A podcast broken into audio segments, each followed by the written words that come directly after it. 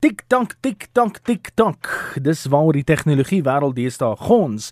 En Facebook het reeds WhatsApp aangeskaf, maar nou is dit Twitter se beurt om ietsie aan te skaf. En Twitter het glo TikTok se eienaars ByteDance genader om dalk die groeiende sosiale platform aan te skaf en te integreer met hulle platform.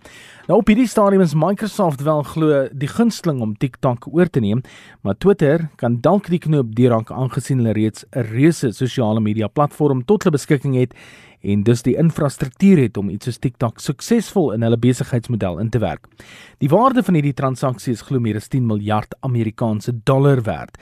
Twitter is nie so onderworpe aan sekere regulasies nie en daarom kan TikTok dalk hulle aanbod aanvaar bo Microsoft vir uh, die platform.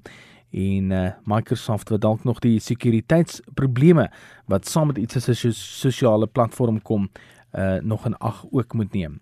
En Garmin het uiteindelik die losprys betaal om hulle data van die kuberkrakers terug te kry. Die scenario is reeds vir 'n paar weke aan die gang met Garmin wat erg onder die krakers deurgeloop het, wat tot gevolg gehad het dat sekere aspekte van hulle dienste aan kliënte nie gewerk het nie. Gebruikers van Garmin het onder meer gekla dat sekere elemente van die horlosies byvoorbeeld nie wou werk neem. Dit is as gevolg van die kuberkrakers. So Garmin het nou amptelik die losprys betaal en uh, op hierdie stadium lyk dit asof hulle data wel alles aan hulle terug besorg is.